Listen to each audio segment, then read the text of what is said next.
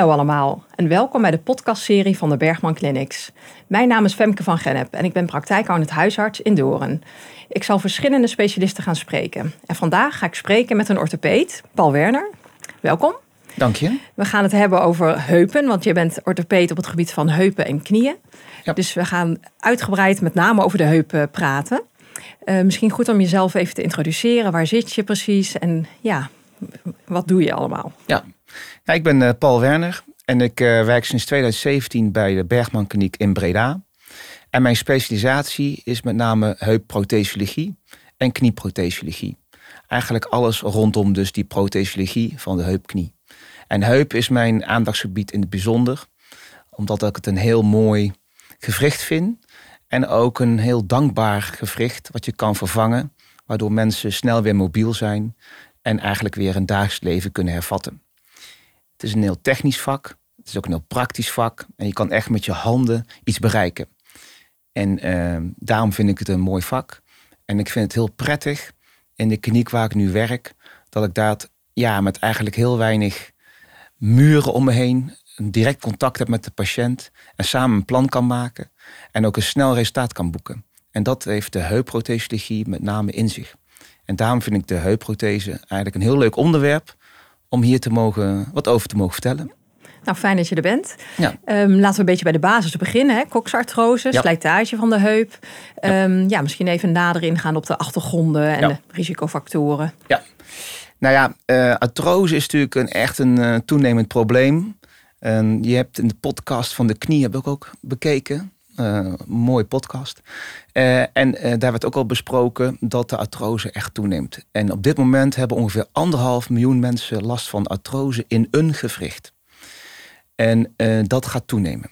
In 2040, 45, dan zal dat aantal gaan verdubbelen. En dan hebben we het dus over 2, 2,5 miljoen mensen met artrose.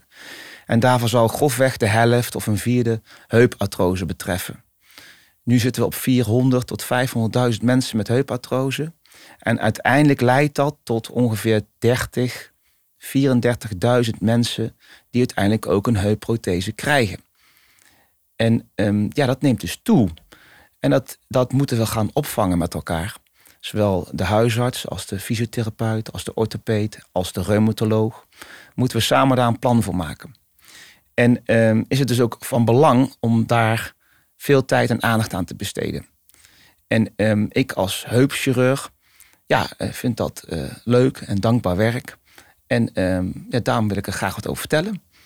Um, en het is ook goed om te weten dat heupartrose heel goed te behandelen is. Je hebt natuurlijk een heel groot voortraject wat bij de huisarts ligt. En een, ook een deel wat bij de chirurg ligt. Het mooiste is als ik natuurlijk een patiënt krijg die we uiteindelijk ook kunnen opereren. En wat houdt dan zo'n operatie in? Um, de operatie tegenwoordig is meestal in dag of een één nacht behandeling. Tien jaar geleden deden we nog, uh, nou, moesten mensen een week opgenomen worden. Tegenwoordig is het nog maar een nacht. Is goed voor de huisarts ook om te weten dat de patiënt dus echt maar korte tijd opgenomen is. We hebben heel veel dingen veranderd, waardoor de zorg ook sneller en efficiënter is geworden. Zowel de operatieve benaderingen zijn veranderd. Van oudsher deden we met name de achtste benadering als de zijwaartse benadering. Is nu de voorste benadering met name in trek gekomen. Je mag niet zeggen dat nou de voorste of de achtste benadering beter is dan de ander. Maar het is wel zo dat die voorste benadering ja, weer een hele versnelling heeft gegeven in de behandeling van heupartrose. De benadering is spiersparend. Dus je maakt een snee aan de voorzijde van de heup. En gaat eigenlijk over de spier van de fascie, de tensor, ga je naar binnen. En je maakt eigenlijk alleen het vliesje los wat er overheen zit. Dus je maakt verder geen pezen los. Dan kom je bij de heup uit en dan kan je die heup vervangen. Nou, dan komt er een nieuwe steel in, je zet er een nieuwe kop op. Als je een nieuwe kop zet, moet je aan de andere kant ook altijd een nieuwe kom zetten. Dat wordt wel eens nog verwacht van wat is nou een halve prothese, wat is een hele. Bij artrose vervang je altijd beide vlakken, zowel de kop als de kom. Omdat je spiersparend werkt, kan iemand eigenlijk die heup direct na de operatie alweer bewegen. En hem ook alweer belasten. Want die prothese gaat er klemvast in en die groeit in tweede instantie in. Maar je kan het direct verstaan. Kom meteen bij de volgende vraag waarschijnlijk. Wat voor soort prothese kun je dan plaatsen? Nou, van het gecementeerde en ongecementeerde ja. hoor je vaker. Die verschillen, ja. dat zijn ja. de opties eigenlijk. Dus je hebt verschillende benaderingstechnieken. Om dat af te maken. De voorstbenadering is wat spiersparend. Mogelijk een iets snellere methode. Waardoor mensen sneller kunnen revideren. En eigenlijk al heel veel dingen kunnen zonder restricties. De achtsbenadering wordt ook nog steeds veel gedaan. Dan maak je iets meer los. Eh, waardoor je dus een iets verhoogd risico zou kunnen hebben dat de heup uit de kom kan gaan. En dat is de reden waarom de achtsbenadering vaak ietsjes minder snel revalideert in het begin, maar uiteindelijk na drie tot zes maanden dezelfde uitkomst heeft. De prothese die je gebruikt kan zowel bij de voorste als de achtsbenadering met of zonder cement. En eh, die keuze is een beetje aan de operateur. Er zijn in de afgelopen eeuw verschillende protheses ontwikkeld. De ene met cement, de andere zonder cement. En eigenlijk was het telkens een strijd welke prothese nou beter is. Nu, deze dagen, zijn eigenlijk beide protheses heel erg goed. Alleen het principe is anders. De ongecimenteerde prothese is een prothese van titanium. En die is, het oppervlak is ruw gemaakt, waardoor het bot makkelijk ingroeit. En titanium is van nature een zacht metaal. Dat leent zich daar heel goed voor. Dan zit er ook een coating op van hydro, hydroxyapatiet. Dat is dus weer een speciaal soort coating waar, waar iets kan ingroeien. En de gecimenteerde steel is een gepolijste steel. Die is vaak van een hard soort staal. Kobaltchroom bijvoorbeeld. En die is gepolijst en glad. En dan moet je dus eigenlijk cement eerst plaatsen. Dus dan vul je het gat op, zal maar zeggen, met een soort twee-componentenhars. Die hard uit. En dan zit die prothese in. Beide protheses doen het goed. Ongeveer even goed. Alleen bijvoorbeeld bij iemand die ouder is en bijvoorbeeld een minder goede botdichtheid heeft of heel broos bot, kan je je voorstellen dat als je daar een prothese in zet, dat die niet goed verankert. En dat is een reden bijvoorbeeld om cement te gebruiken. Maar als je het wetenschappelijk bekijkt, zijn beide benaderingen en beide protheses goed. Er is wel een beetje een trend dat de ongecimenteerde prothese meer gebruikt wordt, omdat het een gebruikersgemak is. Je hebt geen cement nodig. En cement kan ook nadelige effecten hebben. Het is een twee componenten hars, ja, die mogelijk ook wat nadelige effecten heeft. Als ik een zwangere OK-assistent op de heb, dan mag die daar niet bij aanwezig zijn. Dus dat is toch een soort toxisch, uh, ja, toch niet natuurlijk product. Maar uiteindelijk is uh, cement even goed als ongecimenteerd. Okay. En qua benaderingen, is dat nou in de landen ook uh, dat dat meer naar die anterieure benadering gaat? Of zijn daar nog verschillen in? Ja. Um, ja, het verschilt natuurlijk van orthopeet tot orthopeet. Ja. Uh, kan je daar iets over zeggen? Wat zijn de percentages zo in het land? Ja. Nou, de wetenschappelijk gezien zijn heel veel onderzoeken naar gedaan. En elke uh, maand wordt er wel een nieuw artikel gepubliceerd wat nou beter is. Uiteindelijk is het eigenlijk de voorkeur van de operateur die bepaalt. Ben je gewend om bijvoorbeeld de achtsbenadering te doen, heb je daarmee de beste uitkomsten. Ben je gewend om de voorstbenadering te doen, heeft die voorstbenadering de beste uitkomsten. De voorstbenadering is technisch een best lastiger ingreep, omdat je iets meer ruimte hebt, omdat je de spiersparend werkt. Uiteindelijk is dat wel een sneller herstel en heb je iets minder kans de heup uit de kom kan gaan. Maar na drie maanden is een gelijkwaardige uitkomst. Uiteindelijk bepaalt eigenlijk de voorkeur van de operateur en ook het postuur van de patiënt wat de beste benadering is. Ik persoonlijk doe de voorste en achtste benadering. Ik ben ooit met de achtste benadering opgeleid. maar ik ben zes jaar geleden heb ik een hele cursus gedaan voor die voorste benadering. En ik merk dat ik steeds meer de voorste doe. Omdat ik die voordelen zie van die spierspanende techniek. En inmiddels die hele learning curve heb gehad. Onderaan de streep maakt het eigenlijk niet zoveel uit. Maar waar je naartoe wil werken, is dat je iemand zo snel mogelijk weer mobiel kan krijgen. En daar leent die voorste benadering toch wel heel goed voor. Daarnaast eh, ben je ook bezig met ja, hoe is de begeleiding van zo'n patiënt. Dus wat we nu ook doen, is, dat noemen ze rapid recovery, is dat we kijken van ja, hoe kunnen we nou morfine sparend die ingreep doen. Morfine is ook een hot item, denk ik, bij de huisartsgeneeskunde en ook in de politiek. Willen eigenlijk minder mensen aan morfine hebben, omdat het toch verslaafsgezind is. Maar ook dat je daar maag-darmproblemen mee kunt krijgen, obstipatie. Dus eigenlijk wil je van die morfine af. En de methode is dus om spiersparend te werk gaan. Want dan verwacht je dat mensen minder pijn hebben in het begin. Maar ook tijdens de ingreep uh, bijvoorbeeld meer dexamethason geeft. Meer corticosteroïden. Daar waren we vroeger als operateur altijd een beetje bang voor. Dat dat meer infecties zou kunnen veroorzaken. Maar wat blijkt is, als je een hogere dosering dexamethason geeft... dat dat een sneller en beter herstel geeft. Dat mensen minder pijnstilling nodig hebben. Dat en bedoel je dan orale, gewoon oraal dexamethason? Dat geven wij dan vind je het infuus. Want dan geven dat een, omdat we toch het infuus hebben bij de operatie en willen het direct geven, geven we een hoge dosering prednison tijdens de ingreep. En dan moet je denken aan ongeveer 40 milligram. We proberen dus geen morfine meer te geven. Dus mensen bij ons krijgen alleen paracetamol en een NSAID'er. Dus diclofenac of naproxen of welk NSD dan ook. En willen we eigenlijk van de morfine af. En sinds we dat niet meer voorschrijven, hebben mensen het ook niet meer nodig. Ook de anesthesist heeft natuurlijk ook een bijdrage in dat we een goed pijnprotocol hebben. En uh, we proberen eigenlijk mensen zoveel mogelijk met een ruggenprik te opereren en een slaapmiddel. Nou heb ik een collega die juist bezig is om alleen slaapmiddel te geven. Maar we zijn allebei bezig met de strijd om nog minder te geven. Dus nog lagere dosering van een, een kortwerkend spinaal met een slaapmiddel, zodat mensen zo min mogelijk morfine nodig hebben. Dat kan je ook doen met een narcose. Maar dan moet je dus weer een heel kortwerkend narcosemiddel hebben. En zo zijn wij telkens een beetje bezig om het nog beter te doen. En de volgende stap is misschien dat we ook weer extra pijnstilling inspuiten rondom een heupgewricht. Zodat mensen nog minder pijn hebben en nog sneller kunnen revalideren. Misschien kunnen we ook over die revalidatie, hè, dat we daar eens wat nader op ingaan. Hoe lang, uh, want je zei al, hè, je kan eigenlijk meteen staan. Ja. En dat is volgens mij ook het idee, hè, dat je meteen ook gaat trainen. Hoe, hoe ziet dat natraject daaruit? Ja, dat is heel eigenaardig eigenlijk. Hè. Mensen die leveren een heup in, die zetten er een nieuwe heup in. En je moet je voorstellen dat bot is natuurlijk heel hard. En van binnen is dat zacht. Dus met een rasp rasp je het zachte merg uit. En dan sla je daar een prothese in. Nou, als je in een buisje een kruidje laat vallen en het verklemt, dan krijgt het er bijna niet meer uit. En ik sla daar letterlijk met een hamer op. Nou, dat komt niet meer los. Dus je kunt direct op die heup gaan staan. Maar je hebt natuurlijk last van die spieren en de bloeduitstorting. En daar hebben mensen in het begin last van. Dus dat been is direct belastbaar. Mensen mogen meteen lopen en hebben in wezen geen restricties. Tien jaar geleden moesten mensen liggen met een kussen tussen de benen en mochten niet op een zij liggen. Omdat we bang waren dat de heup uit de kom zou kunnen gaan. Nu weten we dat dat eigenlijk uh, helemaal niet nodig is. Dus mensen mogen gewoon op een zij slapen. Mogen gewoon op dat been gaan staan. Wel lopen ze twee tot zes weken met krukken. En dat is met name om ervoor zorgen dat mensen recht blijven lopen en niet gaan manken. Of het niet uitglijden of ineens vallen. Want die eerste zes weken moet het kapsel helen en is er een iets verhoogde kans dat die heup uit de kom kan gaan. Of dat mensen geen goede controle hebben over het been en vallen. En je wilt natuurlijk niet dat er een breuk optreedt omdat ze vallen. Dus dat is eigenlijk met name het belangrijkste is dat ze gecontroleerd lopen. Niet gaan manken en niet vallen. En dan kunnen ze in wezen zelfstandig functioneren. Ze kunnen naar de keuken lopen, ze kunnen naar de badkamer. Ze krijgen ook een pleister die eigenlijk bedoeld is waarmee ze kunnen douchen.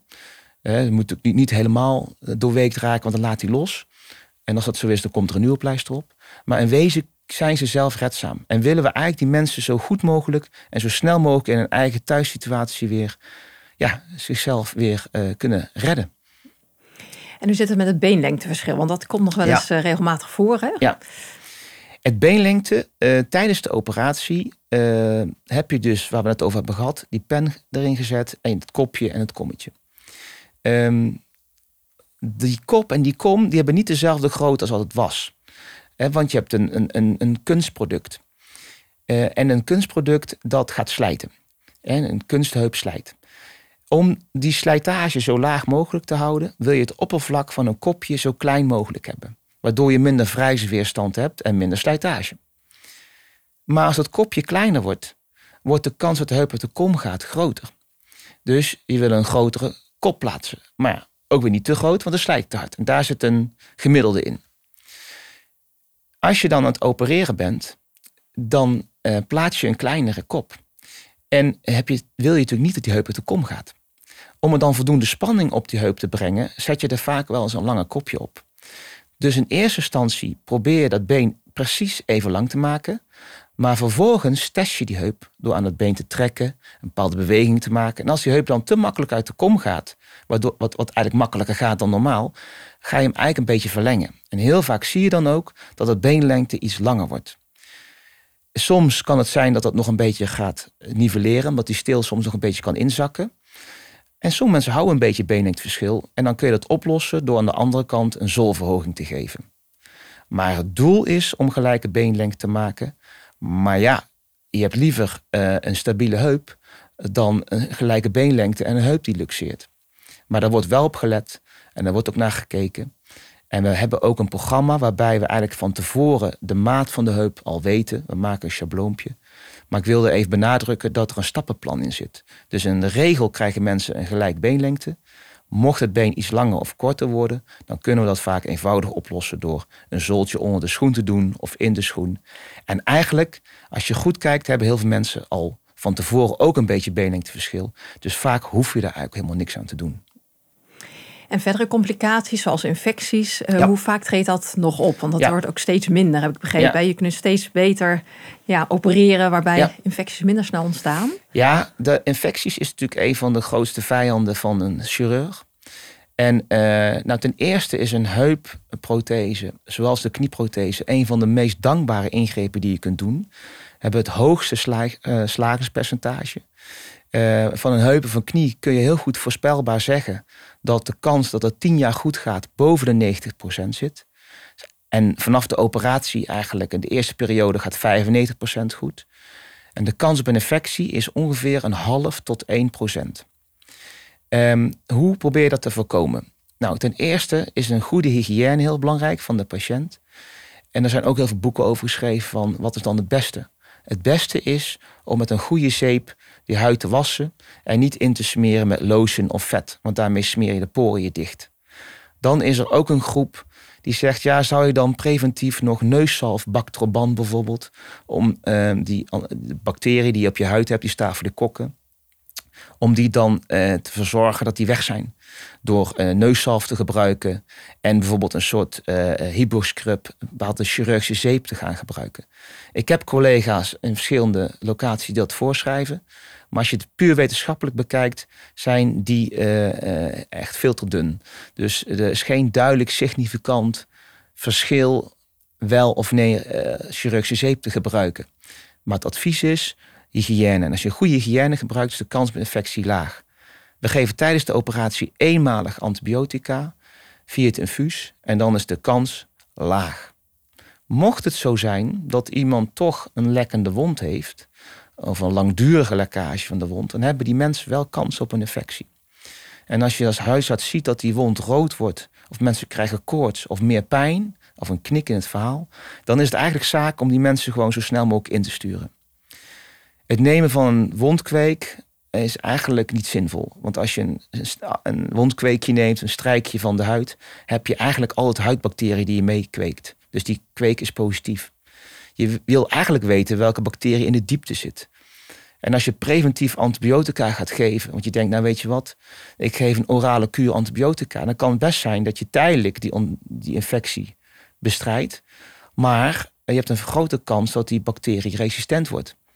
Of je hebt een bacterie die eigenlijk net niet goed het juiste antibioticum heeft gekregen. Dus als iemand tekenen van infectie heeft, moet hij gewoon zo snel mogelijk terug naar de operateur. Die moet het dan beoordelen. En als die twijfelt, dan zal die heel agressief zijn. Uh, als een wond lekt of je denkt aan een infectie, dan moet je daarna handelen. Dat betekent dat je die wond weer opnieuw open moet maken. Alles moet spoelen en schoon moet maken. En elk deel van de prothese dat je kunt vervangen, moet vervangen. Dan neem je zes diepe kweken, echt uit de diepte. En dan daaruit, als daar een bacterie uitkomt, dan kan je daar gericht antibiotica op geven. Dat moet dan ook langdurig. Dat is vaak zes weken tot drie maanden. En vaak proberen we in eerste instantie twee weken via het infuus te geven. Voorheen moest je daarvoor opgenomen zijn in het ziekenhuis. En voor sommige antibiotica geldt dat nog steeds. Maar we zijn wel steeds inventiever in het verzinnen van oplossingen. Dus tegenwoordig kunnen mensen ook een midline krijgen. Dat is eigenlijk een heel dik infuus. Een soort centrale lijn eigenlijk. Maar die dan niet helemaal tot aan, aan het hart komt, maar meer tot aan de oksel. En daarover kun je ook antibiotica geven. En met die midline kunnen mensen naar huis en dan kan de thuiszorg de antibiotica geven. En dan kunnen wij het weer polyklinisch vervolgen. Heb je echter een ander soort bacterie of een ernstige infectie of een sepsis, ja, dan moet ik ook aan mijn backup, eh, backup ziekenhuis of het algemeen ziekenhuis hulp vragen van joh, deze patiënt is te ziek. Die moet in een complexe situatie geholpen worden of een IC, intensive care. En dan moeten we hulp vragen aan het ziekenhuis en die mensen hebben echt een langdurige behandeling nodig. Waarom moet je die infectie nou meteen bestrijden en helemaal uitroeien? Als die bacterie de kans krijgt om langdurig toch zich te hechten aan die prothese, krijg je hem bijna niet meer af. Dus dat is de reden waarom je niet zomaar oraal antibiotica moet geven, maar gelijk terug moet sturen. Als die bacterie eenmaal op die prothese zit, dan moet die prothese eruit. dan moet er een revisie plaatsvinden. Dan gaat die hele prothese eruit, geven we opnieuw antibiotica en dan geven we vaak een prothese die gemaakt is van cement met eraan gebonden antibioticum. Dat kan dan bijvoorbeeld twee of drie maanden blijven zitten en dan kan er in tweede instantie weer opnieuw een prothese geplaatst worden. En vaak is dat wel mogelijk, maar het is niet de ideale situatie uiteraard. Het is ook goed om te weten dat mocht er een probleem optreden, dat er altijd wel weer een plan B, C, D is. Maar infecties zijn een vervelende complicatie, vaak wel goed te behandelen. 80% van de geïnfecteerde protheses kunnen we behandelen door op tijdig te spoelen en antibiotica te geven. Dan heb je natuurlijk nog meerdere complicaties. Dat beenlengte hebben we over gehad. Maar het kan ook zijn dat ik de prothese, dat ik een breuk sla. Er kan ook een fusuur ontstaan in het been. En soms merk je dat niet direct. Als ik dat tijdens de operatie zie, kan ik dat verhelpen door een heel stevige kabel om het been te doen. Zodat die prothese goed verankerd zit en gestabiliseerd is. Maar soms kan het ook in de thuissituatie als huisarts geconfronteerd worden met iemand die zegt: ik, ik, ik, ik kan ineens niet met mijn been goed staan. En dan kan het best wel zijn dat er per een scheurtje ontstaan is, die we niet hebben gezien tijdens de operatie. Dus ook als iemand na een heup dat been ineens niet meer kan belasten, is dat een alarmsignaal. Moeten mensen gezien worden of moet er minimaal een foto gemaakt worden om te kijken of die steel niet inzakt. Als je denkt aan een luxatie, of de heup uit de kom gaat, kun je heel goed herkennen dat als iemand via de achtste benadering uh, geopereerd is, dat is wel prettig om te weten, dan zit een zwakke plek aan de achterzijde. En dan is het logisch dat die heup naar de achterkant uit de kom gaat. Dat betekent dat het been eigenlijk naar voren gedraaid is en verkort. Dus iemand die je aantreft, die ligt op de grond met het been naar buiten gedraaid, een extra rotatie en een verkorting. Ja, dat is bij definitie vaak een heupluxatie. Ligt dat been naar binnen toe, dus de knie naar binnen gedraaid, dan, of uh, andersom, naar buiten gedraaid, dan heb je vaak een uh, voorste heupluxatie. En dan is het vaak bij iemand die via de voorkant benaderd is moet wel zeggen dat ik de afgelopen jaren, nou, even twee, drie jaar, geen luxatie meer heb gehad. Sinds ik de forse benadering ben gaan gebruiken. Maar in de literatuur eh, wordt het wel beschreven. De kans is dus niet nul. Maar we zien wel een significante afname van het aantal mensen waarbij de heup uit de kom is gegaan. Maar mocht je als huisarts iemand treffen die niet op dat been kan staan of blijft liggen, ja, dan, dan is het beste zaak 112 bellen en zo snel mogelijk naar een eerste hulp om een foto te maken. Want je kunt van tevoren niet goed inschatten. Is het alleen uit de kom? Is die gebroken? En als die heup uit de kom is, ja, dan is het zaak dat of wij of een eerste hulparts die heup weer terug in de kom trekken. En dat lukt je vaak niet als huisarts. Want door die spierspanning ja, verkort die heup en krijg je hem bijna niet zomaar teruggeplaatst. Dat heb je toch wel vaak toch een narcose voor nodig om dat te kunnen bewerkstelligen. Misschien ook even praktisch voor ons huisarts. Hè, van wanneer stuur je nou wel door naar jullie voor een, voor een totale heupprothese en wanneer nog even niet? Hè, want je wil het toch even uitstellen. Ja. Um, hè, want ja, te jong opereren jullie ze vaak ook niet. Ja. En ook misschien het stukje met wanneer maak je nou wel een foto, wanneer niet. Omdat het niet zo goed correleert met de klachten, de, de beeldvorming. Ja, dat is een hele goede. En dat is natuurlijk ook van belang voor de toekomst. Dat dat alleen maar toe gaat nemen. Uh, ja, wat je eigenlijk zeggen is dat als iemand liespijn heeft... en verminderde actieradius, dus ja, korter dan 30 minuten kan lopen... Uh, pijn in de lies heeft, opstartklachten... Ja, dat die beperkt wordt in zijn dagelijks leven... Ja, dat zijn eigenlijk belangrijke items om te denken aan artrose. Heeft die patiënt bij lichamelijk onderzoek een duidelijke rotatieproblemen, en bijvoorbeeld met name de endorotatie, wat ik zelf vaak zie, is dat mensen als eerste verminderde endorotatie hebben in het been en flexie. Dat kun je ook wel het Dreeman-fenomeen noemen. Dan weet ik al zeker dat het eigenlijk artrose is. Ehm, ja, ik ben natuurlijk een specialist, dus ik maak graag foto's. En ik kan op een foto heel goed graderen welk stadium iemand zit. En de kunst is natuurlijk voor de toekomst, ja, hoe haal je nou die stadium 4 artrose eruit? Van stadium 1, 2, 3, waarbij je dus gewrichtspeetversmalling hebt, maar waarbij je nog niet het bot het bot raakt. Ja, die hoef je nog eh, meestal niet te opereren. Maar dat is wel afhankelijk ook een beetje van ja, de beperkingen die iemand ondervindt. En ik denk dat voor de toekomst de, een groot deel digitaal waarschijnlijk zal gaan lopen. Want je kan heel goed met behulp van AI voorspellen of iemand artrose heeft, maar ook een beetje in welke mate. En ik denk heel goed dat een huisarts samen met een fysiotherapeut of met een anderhalf lijnzorg, waarbij een orthopeed misschien af en toe meekijkt.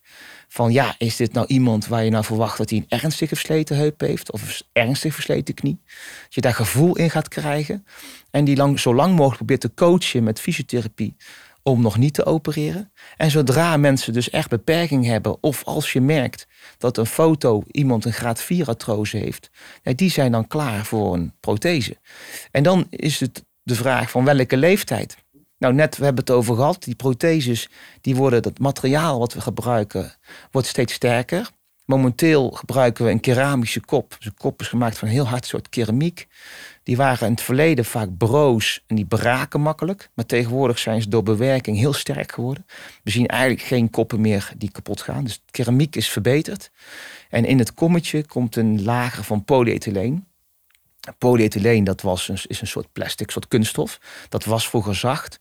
Maar het wordt tegenwoordig weer gesmolten en opnieuw gehard. En er zitten crosslinks in. En er zitten ook vitamine E geharde substanties in. Waardoor die lager zo hard is geworden dat die 10, 20, soms 25 jaar meegaat. En de prothese die we vandaag plaatsen, die kunnen misschien wel weer langer meegaan. Maar 10, 20 jaar is goed voorspelbaar. Ja, als iemand 50 is of onder de 50, ja, die heeft natuurlijk een grote kans dat hij uiteindelijk een revisie gaat krijgen. En um, nou is het al de vraag van ja, joh, ja, stel dat je nou iemand hebt van 45. Ja, als die een beetje versleten heup heeft, dan blijf je natuurlijk vanaf. Die wil je het liefst pas bij een graad 4 opereren. Maar als die persoon bijvoorbeeld in het verleden pechtes heeft gehad of heupdysplasie of gewoon pech, waardoor die heup totaal versleten is en hij kan gewoon niet meer lopen en zijn actieradius is beperkt, ja, dan kun je wel nadenken over een heupprothese. Maar dan moet je ervan bedacht zijn dat ze iemand een vroegtijdige revisie krijgt. Die revisie kan een makkelijke revisie zijn, maar kan ook een moeilijke zijn. Dat is heel afhankelijk van hoe die slijtage zich vormt. En wat we in het verleden zagen is dat het slijtage, het slijpsel van zo'n prothese, uiteindelijk de verankering van de prothese aantast. Dat was bij het oude polyethyleen best wel heftig. Daardoor kon een prothese los gaan zitten, maar kreeg je ook kiesterformatie in het bot. Waarbij als je een revisie doet, moet die prothese eruit, maar dan moet je ook weer een nieuwe prothese verankeren. Als daar geen bot meer is, ja, dan heb je moeite met het verankeren van die prothese. Dan moet je dus een hele grote botplastiek of grote operaties verrichten om die weer, die fixatie te krijgen. En die mensen die hebben dan ook een verhoogd risico op allerlei ellende. Dat er een infectie ontstaat of dat die heup instabiel wordt. Je hebt natuurlijk littekenweefsel, dus dat proberen we een beetje te voorkomen. Dus het liefste proberen we de leeftijd boven de 55 te krijgen. Het gemiddelde is ongeveer 65. Dus we zitten eigenlijk tussen de 50 en de 70 ligt de piek van het aantal heupprotheses wat we plaatsen. En af en toe zit er een jonger iemand bij. Maar ook een ouder. En dat is natuurlijk ook weer een maatschappelijke discussie. Tot welke leeftijd ga je dan een prothese plaatsen? Ja, ik als orthopeed zie zoveel mensen die dankbaar zijn na een heupprothese. En tegenwoordig is dat herstel zo snel. Dus ja, ik denk ook op hoge leeftijd dat je dat prima kunt doen. En je helpt echt mensen van de pijnstilling af. En je houdt mensen echt mobiel. Dus ik durf discussie nog wel aan in de toekomst. Tot welke leeftijd moeten gaan. Want ik denk dat daar geen grens aan zit. Maar goed. En je noemde net ook de typische liespijn. Hè? Dat is kenmerkend voor de echte koksartrose. Maar we hadden het ook bij de voorbespreking al even over de laterale heuppijn. Hè? Of de bursitis trochanterica. Kan je daar nog iets over zeggen? Want dat is denk ik voor de huisarts ook wel praktisch om, uh, om te weten. Ja, dat, dat snap ik. Want dat vind ik zelf ook best een lastige klacht. En ten eerste, kijk, die mensen met liespijn en een duidelijke artrose, die haal je er vaak wel uit. Maar de moeilijke zijn mensen met laterale heuppijn. Mensen die zeggen, ik zak door mijn heup. Ik zwik, ik waggel. Dat is vaak niet artrose. Uh, het is vaak uh, een beetje slijmbursirritatie. Uh, maar die slijmbursirritatie, ja, die ontstaat natuurlijk ergens door.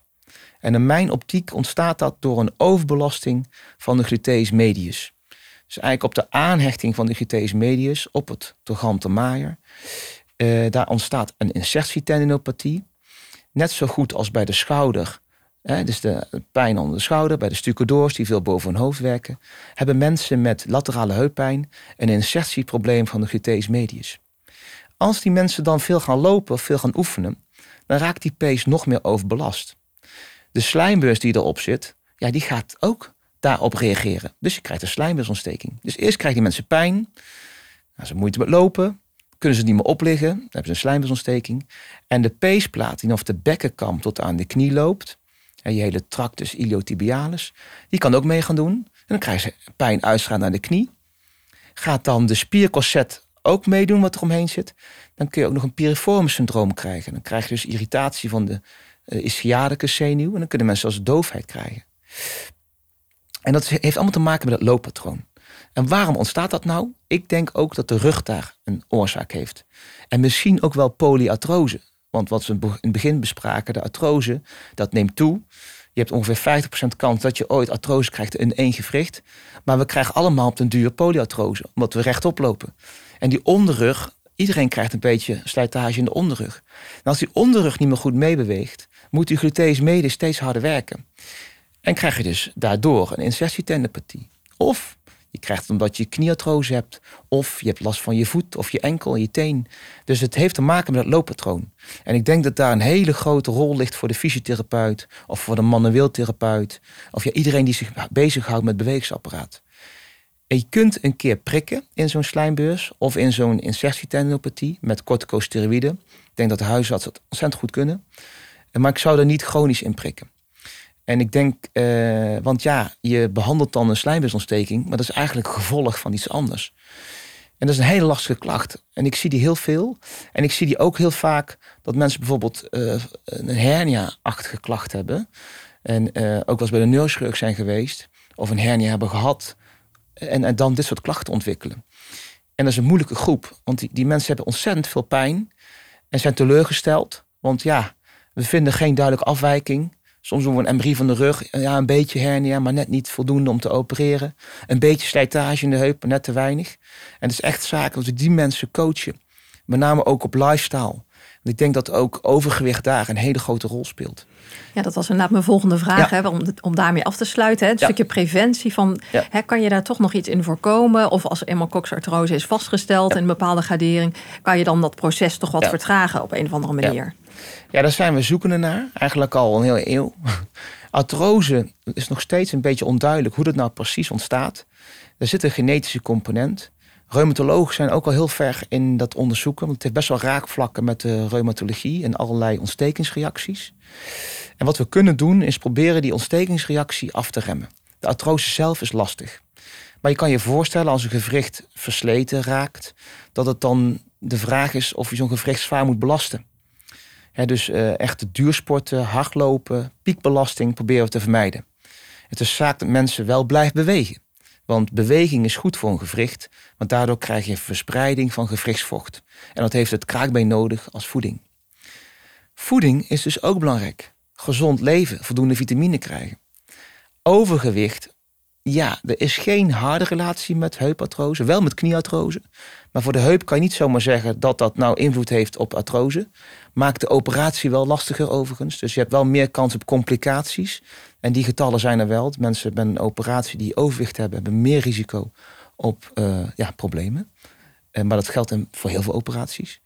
Maar overwicht voorkomen is van belang. Gezond leven is van belang. Blijven bewegen is echt van belang. En dat helpt iemand mobiel te houden. En ik denk een snelle toename van artrose te voorkomen. Helemaal voorkomen, helaas, dat kunnen we niet. We zijn een beetje bezig met injecties. Je kan in zo'n gewricht hyaluronzuur spuiten. Hyaluronzuur is een product wat lijkt op je gewone gewrichtsvocht, maar heeft een hogere viscositeit, waardoor je dus een betere smering van het gewricht hebt. Alleen als je echt naar de getallen kijkt in literatuur, zijn er geen hard bewijs dat artrose voorkomt. Ik heb wel mensen die daar goed op reageren, met name bij de knieartrose. Voor de heupartrose is het wisselend. En dat geldt ook voor allerlei injecties waarbij je bloed centrifugeert en bloedplaatjes terugspuit. ACP-injecties, PRP. Daar zijn artikelen die laten zien dat het een gunstig effect kan hebben. Maar hele harde bewijzen hebben we nog niet. Alleen ja, als ik zelf op een gegeven moment heupartrose zou krijgen, ja, zoek ik misschien ook wel eens naar alternatieven. En ik denk ook niet dat dat slecht is. En ik denk ook niet dat we daar onze ogen helemaal voor moeten sluiten. Want we hebben wel innovatie nodig. En uh, daar moet ook een rol zijn voor alternatieve geneeskunde. Uh, dus daar sta ik best positief in. Maar ik kan niet daar een wetenschappelijk, als professional, kan ik daar geen goed, goede conclusie vooralsnog aan trekken. Maar ik denk zeker dat het, je daarvoor open moet staan. En dat dat helpt. Goed om te weten. Ehm, Paul, mag ik je hartelijk danken. Ja. We hebben echt ontzettend veel besproken. Dus ik denk dat het heel leerzaam en ook heel praktisch is voor onze huisartsen. Dus hartelijk dank dat je er was. En voor u thuis ook heel veel dank voor uw aandacht. En heel graag tot de volgende keer.